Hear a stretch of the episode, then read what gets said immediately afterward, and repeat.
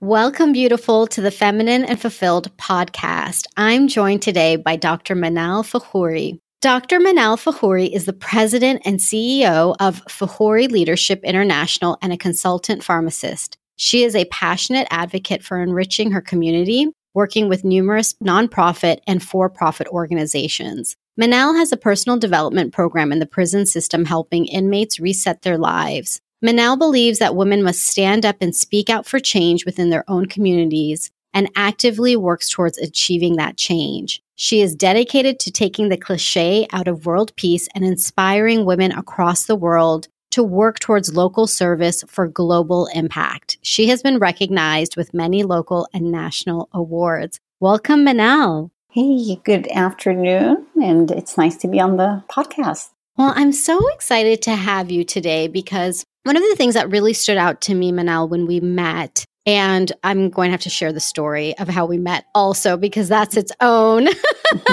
its own thing. But one of the things that really stood out to me is the breadth of the work that you are doing and have been able to do in your life. And that includes also being a wife, being a mom, and really supporting your local and global community. And also, on top of that, being an all around easy woman to speak to and just be friends with. So I was very inspired by you and by your story. So I'd love to start there if you could share your story with our audience. Okay, thank you. What a wonderful place to start. I was born in Palestine and I'm the middle child of five children. My family immigrated to the US when I was about eight years old. And, you know, I just remember, you know, even the whole process. You know, I think I shared with you know, me being the middle child, and I end up having five children as well. But when we came to the US, it was simple little things like being on the wrong time schedule and trying to get on the right time schedule. It was having my father go to the neighbors and tape record the Pledge of Allegiance and us listening to it over and over again so we can be ready for school it was the time when I would decided that I wanted to be a brownie because I saw, you know, other girls in the school and my dad went to JC Penney and bought me a uniform and thought that was it. Didn't realize until we were checking out and they asked for a troop number. There's so many funny stories about our immigration to America. But the most important thing that I recall is just the great love and the discipline that my parents showed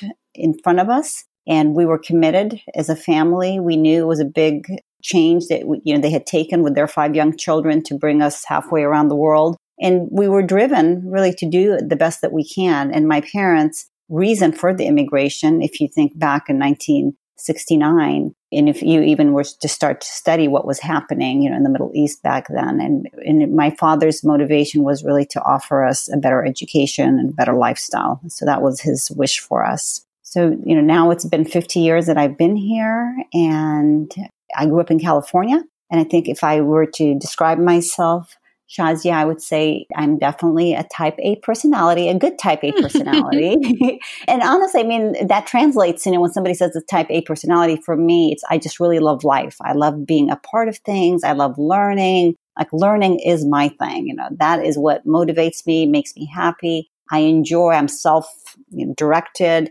I don't have to have somebody trying to tell me, hey, Manal, you need to learn this or learn that. I love doing that on my own. And even, the, you know, to continue with that is I love sharing. When I learn something awesome, I want to share it with other people. So I have the saying is I'm a river, not a reservoir. Mm. And I love sharing what I learn. I remember when I do learn things from other people, and a lot of times they'll make an impact. I'll think, you know, I learned this from Shazia. I learned about this podcast, this technology, I'll remember that and I'll credit that to the person that taught me. But I think that sort of describes me, you know, just very much about experiencing things. And I know people talk about, oh, your power is to be able to say no. But frankly, I built my life by saying yes. And I understand, and even as I coach other women myself, that you have to look at what it is that you're trying to accomplish. What, what is the end result? What is it that you're after? To make your decisions. Most of the time, I think, you know, people get caught up in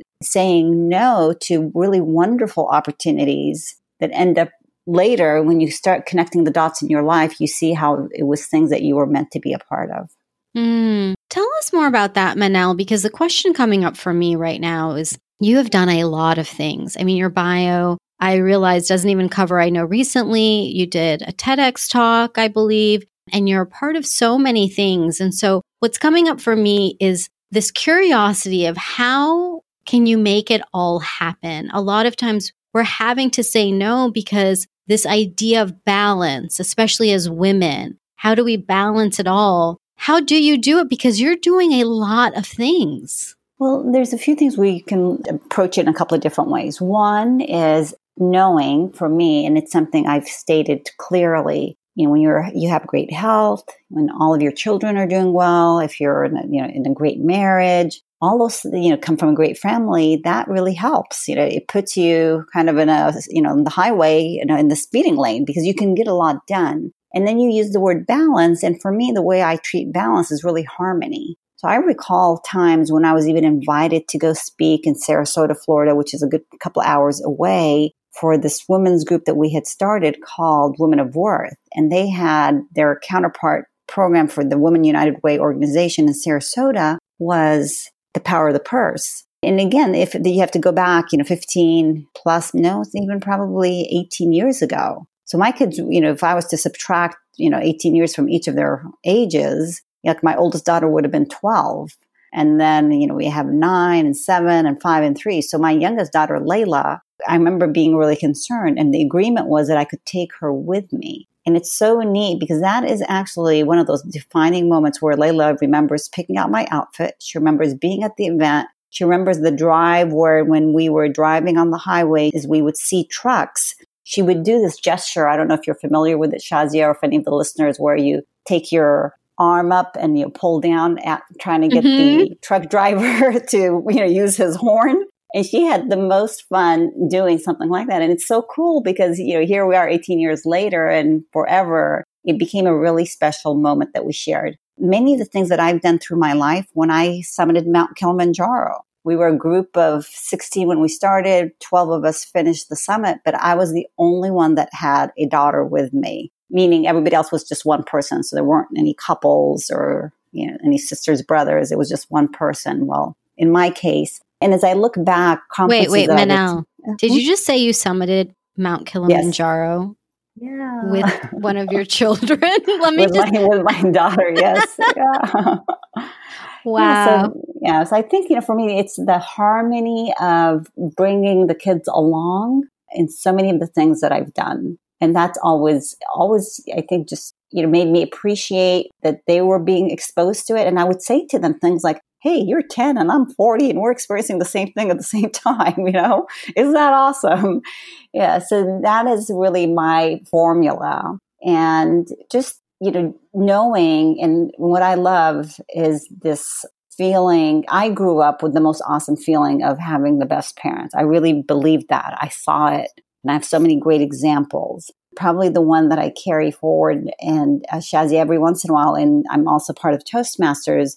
There's a project. It's called the uplifting person or someone. I think it's something similar to that topic. And I think whenever I've cycled through and that type of speech comes up, I always choose my mother it's hard for me to choose someone else because, you know, ultimately she's the person that I think about how she gave so much to her family and to her children. And when I was in middle school, I remember so clearly that we were starting this, what do you call those teams? Not the band, but the pom pom, not a pom pom team. Drill? I can't remember what the, like a drill team. Yeah, in high school. And they had this outfit. It was red velvet and this white petticoat, you know, bloomers that you had to wear. And there was a set date that we were supposed to all, you know, there's probably 40 of us that were supposed to come to school in our outfits. Well, that date came and I'm the only girl in this outfit at school and no one else's mother was able to do it. My mom stayed up all night, you know, getting it done so that she would meet the deadline and I would be part of the drill team.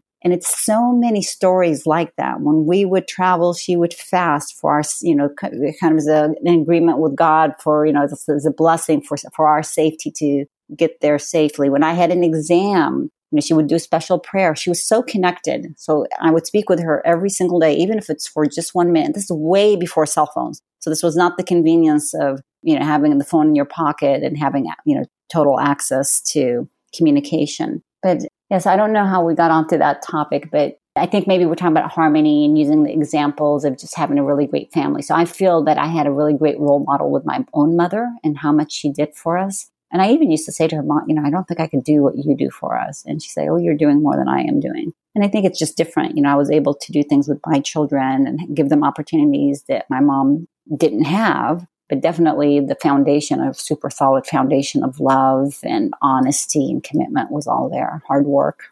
Hmm.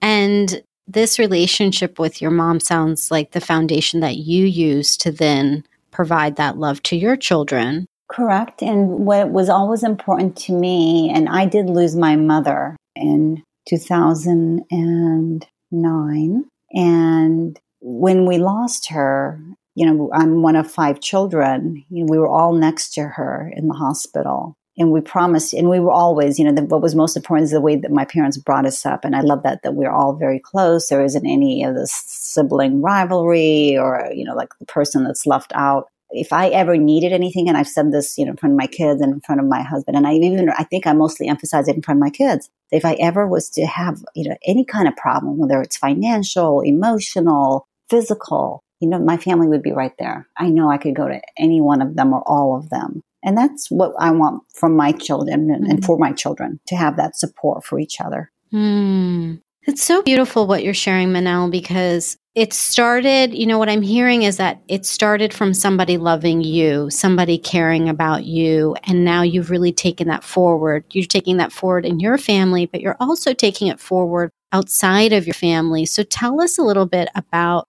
some of the projects that you're doing in the community and what really drove you towards those projects because they're having a very big impact. No, thank you. The first, probably, that I would say, I remember being pregnant with my fourth child and having being in junior league. So that was probably my intro into community service as a married woman and you know as a professional. I did a lot of leadership. I was student body president in high school. I was student body president in pharmacy school. I was always involved. I was a resident advisor. I was the head resident where i actually supervised ras you know coming in. But then once i got married and actually the funny part about my marriage is i, I actually graduated got married like all like the same weekend went on my honeymoon. And then the next day I started my residency. Wow. And I recall not even knowing how to get onto the main road. Like, you know, you know, when you're new to a city and hadn't even like been in this home that where it was our starter home.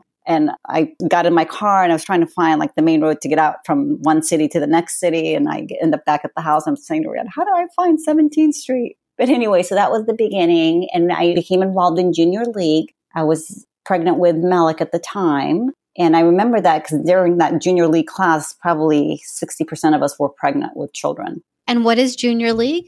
Yeah, so junior league is a really old organization all around the country. And I think they might be in even a couple of other countries. They may be in Canada and Mexico. It's a volunteer driven, it's generally for younger women. That's where the junior league comes from. Mm-hmm. They call themselves the volunteer powerhouse and very often they'll select projects in the city it might be you know addressing education or addressing you know, something towards students or children. So there's generally a few fundraisers that you do, and it's just a good way to get involved in the community. So that was the beginning. But then as I continued to start to serve on boards, what was interesting and probably the climax was when I became chairwoman of the Chamber of Commerce. Mm. And what was interesting about that is here I am a Muslim woman, a Middle Eastern, Palestinian American, also younger than the majority of people that held that role. And I started on the chamber. What is, you know, someone like, you know, a young woman even doing on the chamber board? At the time, I didn't have my own company. I was a pharmacist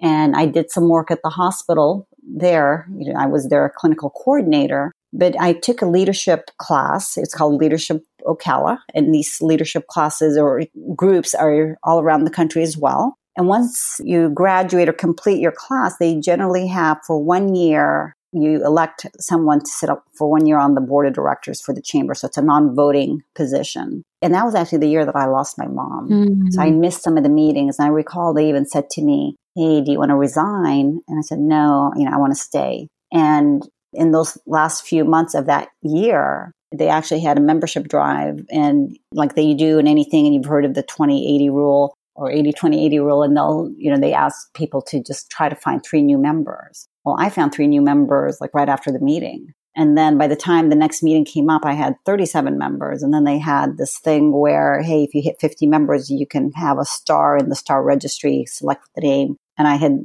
signed up 100 people. And it, it was really unusual, but it was easy for me. And it was something that I could do, talk about harmony. And some of it, the majority of these new members that I brought to the Chamber of Commerce were people that I never had to go and sit down and have a conversation with. I just developed, I guess we call it a pitch, even though back then, 18 years ago, we weren't necessarily using the word pitch. Maybe we called it the elevator speech. And I would say to people, hey, you know, the Chamber of Commerce has been around for 125 years. We're the front porch to the community. Even if you never came to a single event, you know, your membership helps support all the great work that they do. And I would list this work. And very often they would give me their credit card over the phone. So again, I went from this non voting member to the executive committee when that year ended, even though that was the year where I missed some of the meetings and I was traveling back to California to see my mom during her hospitalization. So I, I, guess I wanted to highlight that some of the work that I've done that was significant here in my community was to become the chairwoman of the Chamber of Commerce.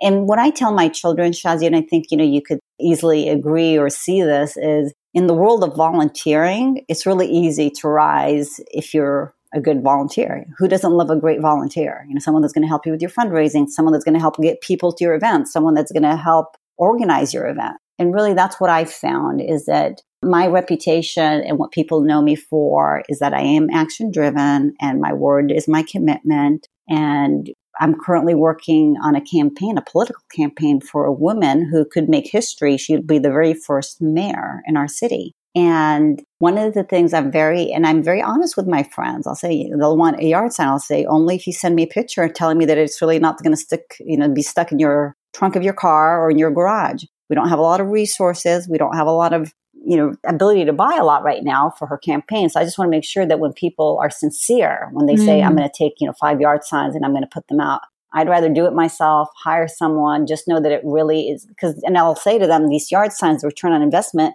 goes down every day. You know, it's a short campaign. It's coming up on September 17th. So I say that just as an example of, you know, being very open and honest and being driven to make sure and when you have enough interactions with people and you start to understand human behavior, and you can do it with some grace. So I'm not, you know, like a Gestapo where I'm going to cut your, but I just say, hey, listen, you know, this is a real campaign. You know, we only, you know, we've only raised so much money for this candidate. You know, we, we want to help her. We got to get our yard signs out. But if they're not going to be out, I don't, you know, I'd rather do them myself. So yeah. And then the other thing that I guess I could comment on is this year, very exciting, is our fifth year for TEDx Ocala, which is part of, you know, the TED world. Parent company is TED in New York City. And TEDx means it's an independently organized event, and these events happen all around the world. I believe our event is on track to becoming one of the very best in the world. We have people that apply from all over the country as well as internationally.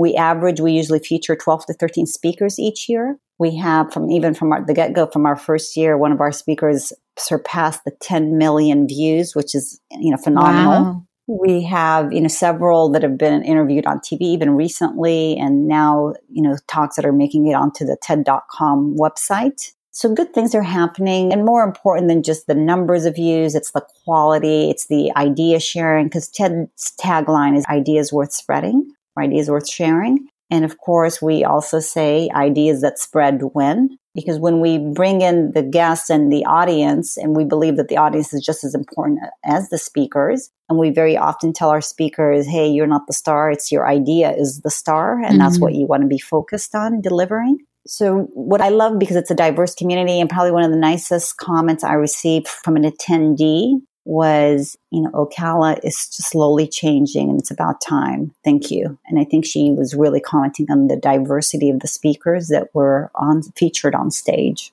So, wow. Okay. I'm going to go back to this question because I now I'm going to take it a little bit deeper because I'm still thinking, gosh, Manal, this is a lot. Every time anything you're sharing, I'm like, wow, that's amazing. Oh, ooh, okay. Wow, you did that mm-hmm. too. Oh, and you did that. And we haven't even touched into the work that you're doing in the prisons yet, which is phenomenal. We haven't even touched on your own leadership conference and program that you have created and hosted. There's just so much. I almost want to say, like, you have the golden touch. And mm. I'm just wondering, Manal, like, and I'm asking this purely from selfish reasons.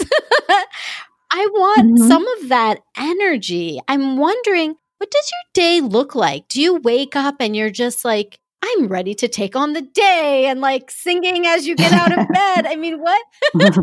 like, how do you function day to day? I am so curious. Well, I stay up fairly late and I get up early because I get up first to pray, you know, in the morning. Mm-hmm. And then I usually can sometimes still, you know, catch another, like a second or a nap, you know, go back to bed for another 30 minutes before I get my day started. And I'll do some stretching and I go into, and, and it's very, it varies. You know, there's times when I really get back into the workout routine, you know, go, getting out and running or going to the gym. I haven't been doing that recently or, you know, lately but it's something that I want to get back to doing. And my days really will vary. There's, you know, meetings that are sprinkled in there, as well as some of my consulting work as a consultant work as a pharmacist, uh, some of the community service work that I need to do. And then some writing. I'm actually working on my book mm. now. So I'm finally really focusing on getting this book done. So that's another, you know, part. What is that going to be called? My day varies from day to day. My book has a title, and the title, and I actually have probably more than one book in me, and that's one of the things that I was talking, speaking with my coach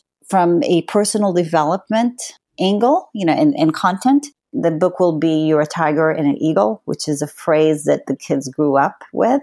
So whenever we would, you know, like send them off to the soccer field or to, you know, softball or wherever, so we had the saying, you're a tiger and an eagle, meaning that you, you know, you're ferocious, you can get it done and you're, you can fly like mm. an eagle. Mm. And so the kids have started abbreviating it to T and E. Remember mom, T and Mm-hmm. E?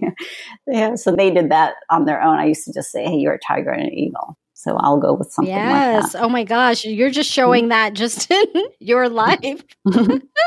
yeah. Wow. So, okay. So your day, yeah, I guess it sounds pretty typical, but I just have to say, I'm just very inspired by how much you're able to do. So tell us some more about the work that you're doing now, especially around leadership. I think that this is really something that is close to your heart. Right. So it's been probably six years now that we started Fakhoury Leadership International. And what was interesting about Fakhoury Leadership International is so I had my doctorate of pharmacy and then I went back to get the my MBA. And one of the projects that I had to do was to come up with a business plan. So I came up with this, you know, business plan to create a leadership institute. And the other program and an organization that I'm chairwoman for is United Voices. And United Voices is geared to taking students to Washington, D.C., and really to demystify the whole political process and make an understanding that we want our representation to include everyone and to have it match the population so it's more pluralistic.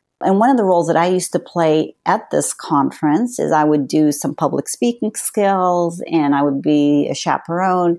And I would, more than once, the kids would say to me, some of the students, is, I wish there was more of what you're teaching us in the conference itself. And again, remember what I said about I like to give credit to people? And I recall this one conversation I had with this young man named Ahmed, and we were walking on Georgetown University, and we started listing like all the things you could teach young people, whether it's, you know, dress for success, you know, like branding yourself, resume writing, interviews. We just kept coming up with a list. And then when I went through the MBA program, so I created this, and he would say to me what happened to this idea that we talked about, this Fakhoury Leadership. And Fakhoury Leadership International initially was going to be Fakhoury Leadership Institute, but because I love and I do spend time quite a bit internationally, I wanted to embody that in the name of the organization. My kids love the acronym FLI, F L I. And so right before we registered it, we went from institute to international. Mm which would allow me. And here's how I look at this organization. For me, I have so many interests, and I actually still have it up here in my office. I actually one time created a what you call a a map, you know, like a word mm-hmm. map, and I you know just really like put my name in the center and then i started you know you start branching off all the different like main arteries of things that you're doing and then you have the sub arteries. So for example, like even if I did like public speaking, well, public speaking, I have like the whole Toastmasters, you know, track that I do. Then there's the TEDx, which is another platform really for communication and, and speaking and sharing ideas, etc. And so now I'm losing track of your question for me. Well, I love that. I'm like, please keep telling us about this. Well, this word map. I'm like, I'm going to go do this myself. Yeah. yeah. So, for example, I even like on the right now, if I take a quick look, I have activism, you know, listed. And then I have the nonprofit that I started, the women's organization, All In. And this is just, it was started in January 2018. We've already made international news where some people consider us controversial. We are a women's leadership project that's dedicated to taking the cliche out of world peace. And now I call us the Peace mm. Army. And I just came back from this past weekend from Oregon where I spent three days attending a peace literacy workshop. So just even the words peace literacy, you know, we talk about financial literacy, we talk about all these different literacies, but the truth is we've never been taught the language of mm. peace. You know, when we use words like waging, you know, war, so just even the word waging or soldier or army. So I used to even stay away from those words. I didn't like them because I thought they were militaristic and I'm, you know, not interested in you know, connecting with that part. But what he taught me, and he is an ex military person, he was a captain, he's a West Point graduate, and I feel that he's right on track to earn one of the Nobel Peace mm. Prizes. So he has this whole peace literacy program. And what's nice about his program too is he really shows you, for example, one of the ways he started is he said that we have to start our training on peace by talking about war. And the military itself, it has a massive dehumanization where you dehumanize people. And it's a lot easier to drop bombs on people just simply because of the distance, right? It's very hard if you and I look at each other eye to eye and for me to hurt you or kill you, you know, because I may see your hmm. humanity, mm. right? So he did, you know, he spent a good amount of time. And I liked also one of the other terms he talked about is rehumanizing. He talked about aggression and even how to bond a community. You know, when you, when you have, for example, you know, shared trust and shared experiences and shared history. So if you start looking at those things, that's the smartest way, one of the most successful way that you can build community. Another thing that I loved, we all learned about Maslow's mm-hmm. hierarchy, mm-hmm. right? And so he says it's completely wrong. It's upside down. You know, our physical needs, when we talk about food and water and safety or shelter, they are not most primary important need. They actually come last. Because if, and so he talks about our non physical needs. And later, he even during this workshop showed us how Maslow himself was questioning what he had come up with and that nobody else was questioning it. And there was a passage that he read to us where he was saying that this may not hold up in the future. Like 20 years from now, people may not, you know, agree with what I'm writing. But think about what he was telling us. So he basically talks about nine non-physical needs. So for example, purpose and meaning. And think about how many people have all the food that they can need, all the money, all the water, all the safety, the shelter, and they go commit mm-hmm. suicide, right? And it's because they lacked purpose and meaning. It's not because they lacked food and safety. And the same thing about nurturing relationships. So in any case, I guess I say that to you to tell you, because I mean, I could actually do a whole hour on peace literacy and lots of the great information that I learned. Same like Tony, you know, Tony Robbins and you and I had a chance to experience that together. I love a lot of that material. So I definitely, you know, love investing in my own education and you can't give what you don't have. And what I find is that I'm able to add value to other people by sharing this knowledge and it's exciting. And it's exciting to me to continue to learn mm. and to use this material to really for greater good. Yeah, that's beautiful. And yet, and to bring it back, you were talking about how all of these things that you've learned, all that you're giving back, it sounds like this request that Ahmed had for you about when are you going to bring mm-hmm. this to the youth, it came to mm-hmm. fruition. Right, right. You just reminded me because even when I think about the prison, like truly, I feel like God led me into the prison. You know, it started where I received a letter, you know, four summers ago. And what was amazing about the whole prison program, which has become a big part of my life. And, you know, when, when you asked me about what's my typical day, I didn't even include that, you know, for a while it was like six days a week, you know, and really it's more maybe between four to five days a week where I'm physically in the prison. And now I'm in both the men and the women's prison. But the way all of that started was four years ago. And I say it was written, the gentleman is using his words. You know, he wrote a letter with a pen and a prayer. And he had been writing letters for two years and nobody was replying. And somehow it ended up, you know, in my mailbox. And I was getting ready like the next day to finish the two day youth leadership conference that I put on every summer. And then the very next morning, I was leaving to the Middle East, to Palestine for two weeks. So all I was doing is, you know, picking up the mail, going through, picking out any bills, getting those paid just to know that I was, you know, all my bills were being paid before I traveled. And I find this handwritten envelope and it's stamped, mailed from a correctional institution, you know, from a prison. Opened up the letter, read it, stopped what I was doing, called the chaplain, scheduled a time for us to go in and do this demonstration meeting. So that way I wouldn't lose those two weeks.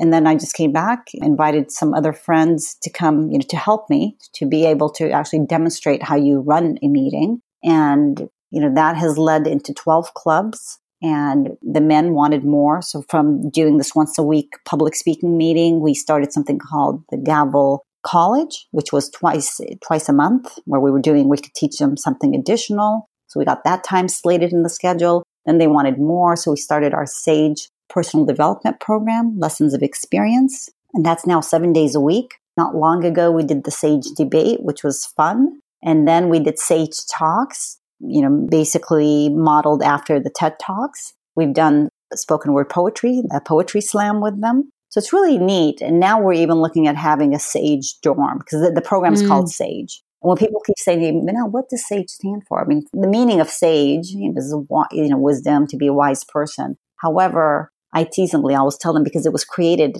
you know, we didn't do like the study and, you know, all this, you know, focus groups. What are we going to call ourselves? It was like, what should we call the program? I said, let's call it Sage. it was quick, you know, I mean, honestly, like, you know, I love that. Like, you know, there wasn't like a huge thought process. Like it was in an instant, the name, and it's become so popular and so widely accepted but when, so when they asked me, and I always said, it's such a good experience. That's what the SAGE stands for, mm-hmm. which, you know, again, it's just like something that rolled off my tongue. So that's when people ask me, well, why do you call it SAGE? Or what does SAGE mm. mean? Yeah, so that's fun. That's a nice program. I really love the work that we're doing with both the men and the women. So, Manal, why do you care so much? Oh, you know, I love, you know, these why questions. And I think we need to do that for ourselves because I don't do that enough. And something that I also shared recently with a friend is I had learned about something called an emotionally charged connection, you know, and figuring out, and it really helps you figure out why you do what you do. And it's probably two years ago. This woman that I went to have this business lunch with said to me, Manal, why do you invest so much time in Toastmasters? And it was like the light bulb went off when I had to answer her. And I don't know if it was her tone, it was, you know, like if her words were piercing, if it was her demeanor. But when she said that, you know, I quickly, it's like I had a light bulb go off. And I said to her, Well, I was born in Palestine. You know, we came to the US when we were young. This is long before 24 hour news. And whenever the news would come on, and, you know, my dad would be at work, my mom would be in the kitchen, we'd call my mom, and then I would see my mom crying. And I remember as a kid, you know, probably eight, nine, ten years old, and I would always like, you know, I put my hands on my head and I think, why don't we have someone that can represent us better? Mm-hmm. So when they would bring mm-hmm. somebody to speak about the war and what was happening, that was speaking on behalf of the Palestinians, it was broken English, heavy accent, hard to connect. Then you bring someone to speak on the other side, and then you'd have this, you know, completely polished, articulate, easy to connect. So deep inside of me, without even knowing, is how important mm-hmm. communication is to me. So that is part. And then the second part, when you say, why do you care so much? I believe it's my heart and, and really our faith and our culture. It's about service. And I think when you serve other people, it just helps you in mm. return. So you don't serve whenever you help someone, you're also helping yourself. Mm. So that's how I've translated. That's how I see it. And, and it feels good. It's a blessing. It's a real nice blessing to have. And even when people, even uh, the men, for example, will say, you could be hanging out at a, at a country club. Like, why do you come and spend time with us? And someone one time said to me, gosh, you said something that was so profound. And I said, what did I say? Because he had asked me, like, why do you do this? And I said, it's because I can. And he said, I can't believe, you know, just, and I guess really what I was saying to him, I have that mm-hmm. flexibility. Mm-hmm. I don't have to have a nine to five job. I don't have to, you know, punch in and punch out. I can, you know, control my own schedule. I can do what I need to do.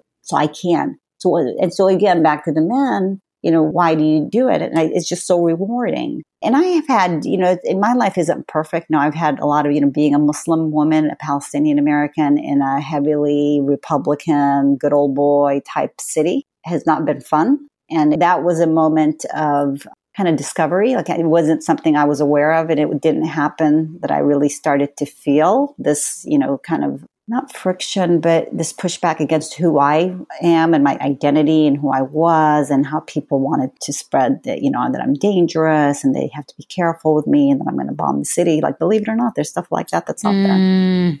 there. Mm. So, yeah, but that's the reality of life. And, you know, at the same time, you have like wonderful, kind souls that you've never met that will say, and I see them trying to smear you and I want to help you. Mm. Well, I'm so grateful. And I know that the people that you've impacted are so grateful that you are doing this and that you are taking the time and the energy and that you have the care behind you to keep moving forward. And for the woman who's listening and wondering, can I do it? Is this possible for me? What advice would you give her?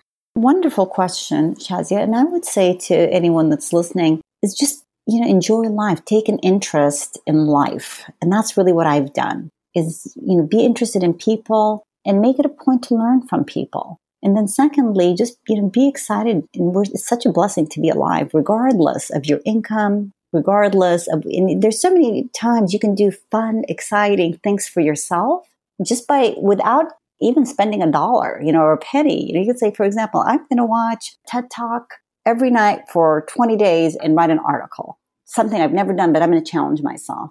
Or I'm going to, you know, join a, you know, start volunteering in this organization or start this, you know, workout routine. There's so many things that we can do for ourselves to change up our own lifestyle, just to challenge ourselves and to add interest in our lifestyle. And of course, you know, what do we learn from our friend Dale Carnegie? If you want people to be interested in you, you must be interested mm. in them. So those would be the things that I would say for someone that's young or some, whoever is listening saying, Hey, can I do this? I would just say, you know, get involved, you know, look for, there's opportunities all around us. And the way we now can instantly receive information and research information, it's so much faster and easier. But definitely make sure you're spending time in nature, you're spending time outside and do, you know, look for the impact. So when we ask people, what are you doing? You know, what, what do you do? You know, our general, hey, what do you do? Like, you know, what impact mm. are you mm. making? And that's really the question we should mm. be asking. Not, you know, are you a pharmacist or are you an engineer? Mm-hmm. Absolutely. Thank you for that, Manal. And how can people contact you or learn more about you? A couple ways. One would be our my Fakhoury Leadership International, and the email for excuse me, the website is www.myfli.com. So that's myfly.com. And then, you know, I am on LinkedIn and on social media on those platforms. So I'm easy to find that Great. Well. And we will put links to all of that in the show notes, which you can find at thelifeengineer.com slash podcast slash Manal. And I just want to close our segment today. This has been just such a fascinating conversation. I am so motivated. Every time I talk to Manal, I'm like, oh my God, I have to do, I have so much more to give. I have so much more to do. And I'm like, I'm just going to like transmute some of that energy that you have over here. But I wanted to close with sharing how we really got to meet, how we really got to connect. And that was very recently at a very special Tony Robbins event called Unleash the Power Within. So, what would you like to share with the listeners about this particular event? Well, the event to me, the UPW or Unleash the Power Within is Tony Robbins' entry level event because he has several of them. And it's high energy. It's not like anything else that's out there. Even when I just came from Oregon for this peace literacy, so by 5 6 o'clock, they're like, oh, sorry, you know, we've kept you up so long or late and we didn't even start till 9.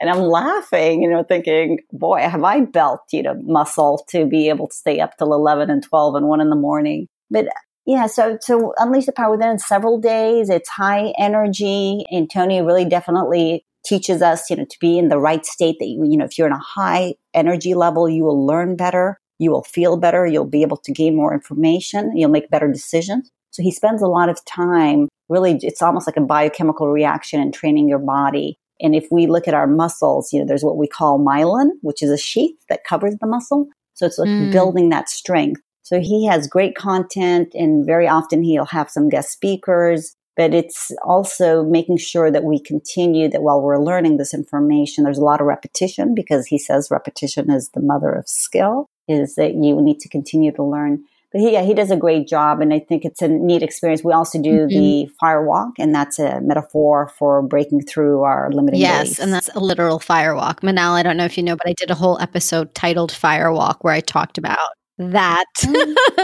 whole mm-hmm. experience. So mm-hmm. cool. I'm grateful to you for sharing that experience together and really getting to know you there. And I'm so grateful that you came on today and you shared. And I know we've just touched the surface with all that you're doing, but I just so appreciate that you are out there doing this work and that you're sharing that. You're giving people credit where credit is due. You're sharing your knowledge, your skills with others, and then sharing it today and inspiring us to really go forth and use all the talents. I mean, like you said, you have many interests and you decided to just do all of them. I love that. Yeah. Well, thank you. And I recently came across something where it said, if you don't use your talents, mm. it's a sin.